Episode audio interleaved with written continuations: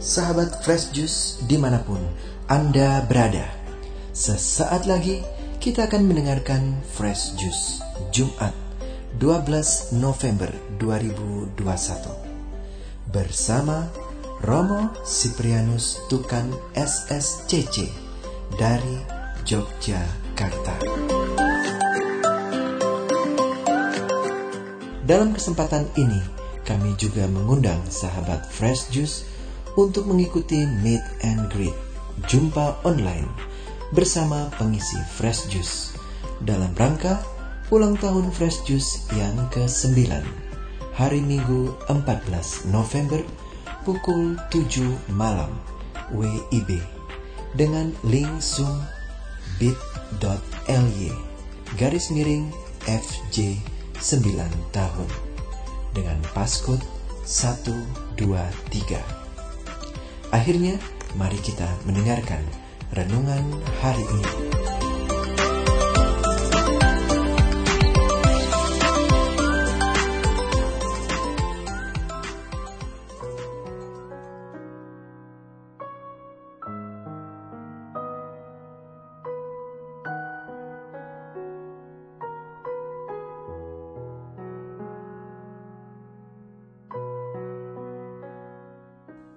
Para ibu dan bapak, saudara-saudari, para sahabat Daily Fresh Juice di mana pun Anda berada, kita berjumpa kembali hari ini Jumat 12 November peringatan wajib Santo Yosafat seorang uskup dan martir.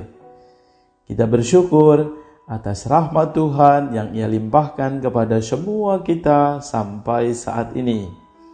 Mari kita mendengarkan firman Tuhan dari Injil Lukas bab 17 ayat 26 sampai 37. Pada suatu ketika Yesus bersabda kepada murid-muridnya, sebagaimana halnya pada zaman Nuh, demikian pula kelak pada hari anak manusia. Pada zaman Nuh itu orang-orang makan dan minum, kawin dan dikawinkan sampai pada hari Nuh masuk ke dalam bahtera Lalu datanglah air bah dan membinasakan mereka semua. Demikian pula yang terjadi pada zaman Lot. Mereka makan dan minum, membeli dan menjual, menanam dan membangun, sampai pada hari Lot keluar dari Sodom. Lalu turunlah hujan api dan belerang dari langit dan membinasakan mereka semua. Demikianlah halnya kelak pada hari anak manusia menyatakan diri. Pada hari itu, barang siapa sedang ada di peranginan di atas, di atas rumah, janganlah ia turun untuk mengambil barang-barang di dalam rumah. Demikian pula yang sedang berada di ladang, janganlah ia pulang. Ingatlah akan istri Lot.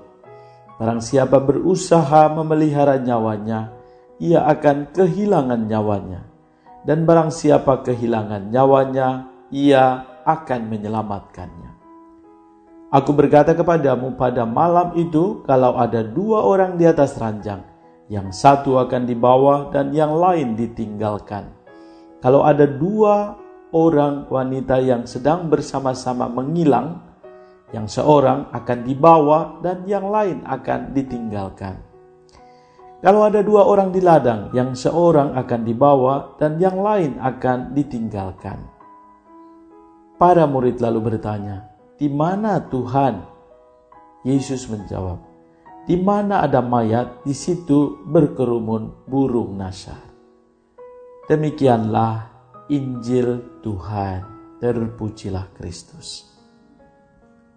Para sahabat Daily Fresh Juice yang dikasih Tuhan, Bacaan yang kita dengarkan ini mengajak kita sekalian untuk menyadari bagaimana kelak pada hari anak manusia menyatakan diri atau parusia kedatangan Tuhan di akhir zaman. Tentu hal ini kita pun mengalami akhir-akhir ini situasi-situasi pernah juga kita merasakan mengalami juga dan mendengar bahkan membaca bahwa ada yang meramalkan kapan akhir zaman itu ada, kapan akhir zaman itu datang. Atau ada yang menyampaikan kepada kita tanggal-tanggal tertentu di mana hari kiamat itu akan muncul. Tetapi dari firman Tuhan dan juga sebagai orang beriman, kita menyadari bahwa parusia atau hari kedatangan Tuhan itu tidak kita sangka-sangka, tidak ada satupun yang tahu. Dikatakan dalam bacaan ini sangat jelas, dikisahkan dari zaman Nuh juga sampai pada hari di mana Tuhan menyatakan diri. Dan dikisahkan di ayat 31 kisah-kisah bagaimana pengalaman kedatangan Tuhan itu yakni kita tidak akan tahu kapan dan saatnya bagi setiap kita. Atau untuk mudah kita pahaminya, yakni berkaitan dengan kematian yang pasti bahwa kita semua akan dipanggil oleh Tuhan atau kembali ke rumah Tuhan. Namun kita tidak akan tahu pasti kapan dan saatnya bagi saya. Andaikan saya sudah tahu tanggal kematian saya, andaikan saya sudah tahu tanggal kapan saya akan kembali ke rumah Tuhan, bisa jadi kita mengundang banyak orang atau sungguh-sungguh tahu dan mempersiapkan segala sesuatu. Namun di balik kasih firman dan sabda Tuhan yang kita dengarkan ini mengajak kita sekalian untuk boleh membangun sikap hati kita karena ketidaktahuan kita kapan saatnya bagi Tuhan untuk datang menyatakan diri maka kita diajak untuk boleh beriman dengan sungguh dan menyadari akan kasih Tuhan ini. Sebagaimana kita mempersiapkan hari-hari hidup kita dan bagi saya, ajakan juga bagi kita semua, pertama-tama tentunya sebagai orang beriman, kita mengetahui tujuan hidup kita, yakni berjumpa dan bersatu dengan Kristus di dalam kerajaan surga. Dan bila tujuan hidup kita jelas, maka hari-hari hidup kita, apa yang kita lakukan, juga menjadi sejalan dengan apa yang kita imani, yakni berjumpa dan boleh mengalami tujuan perjumpaan kita yakni di dalam kerajaan surga. Dan itu adalah kehendak Tuhan sendiri, anak manusia yang menyatakan diri. Dan kita semua diajak untuk sungguh-sungguh berjaga-jaga. Dikatakan di, di dalam bacaan yang tadi kita dengarkan, barang siapa berusaha memelihara nyawanya, ia akan kehilangan nyawanya. Dan barang siapa kehilangan nyawanya, ia akan menyelamatkannya.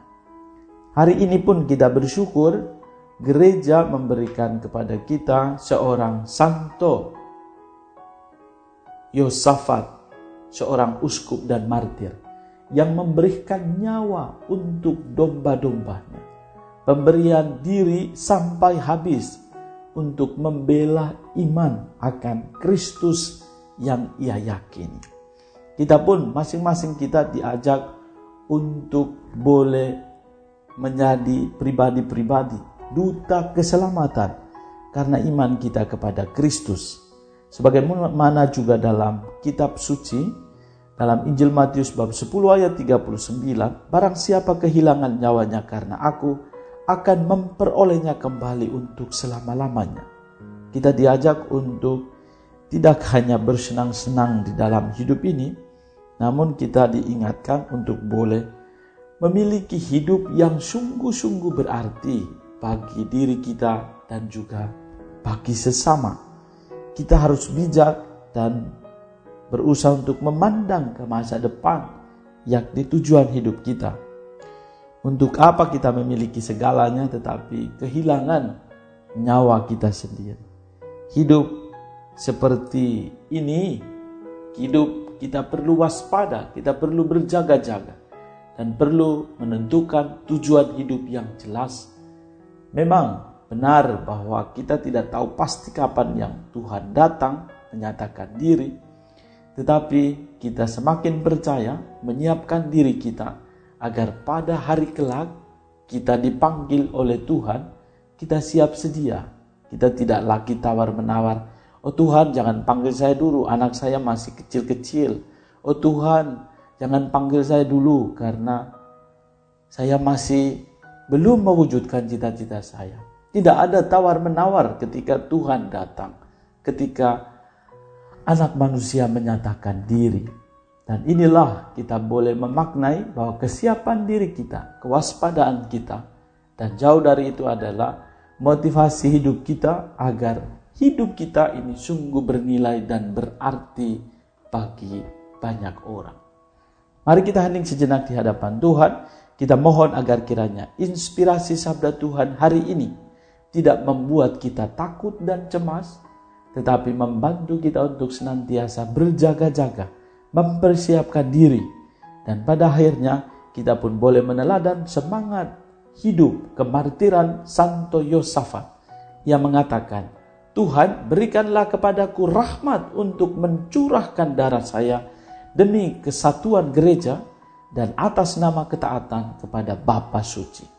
Kita mohon agar militansi hidup beriman kita atau kemartiran semangat karena ditopang oleh iman akan Yesus Kristus membantu kita untuk semakin mewujudkan iman kita menjadi pribadi yang membawa kesaksian dan perjuangan demi keselamatan banyak orang. Tuhan menganugerahkan berkat bagi kita semua, keluarga dan komunitas dalam nama Bapa dan Putra dan Roh Kudus. Amin. Salam Fresh Juice. Sahabat Fresh Juice, kita baru saja mendengarkan Fresh Juice Jumat 12 November 2021. Terima kasih kepada Romo Siprianus Tukan untuk renungannya pada hari ini. Sampai berjumpa kembali dalam Fresh Juice edisi selanjutnya. Jaga kesehatan dan Salam Fresh Juice.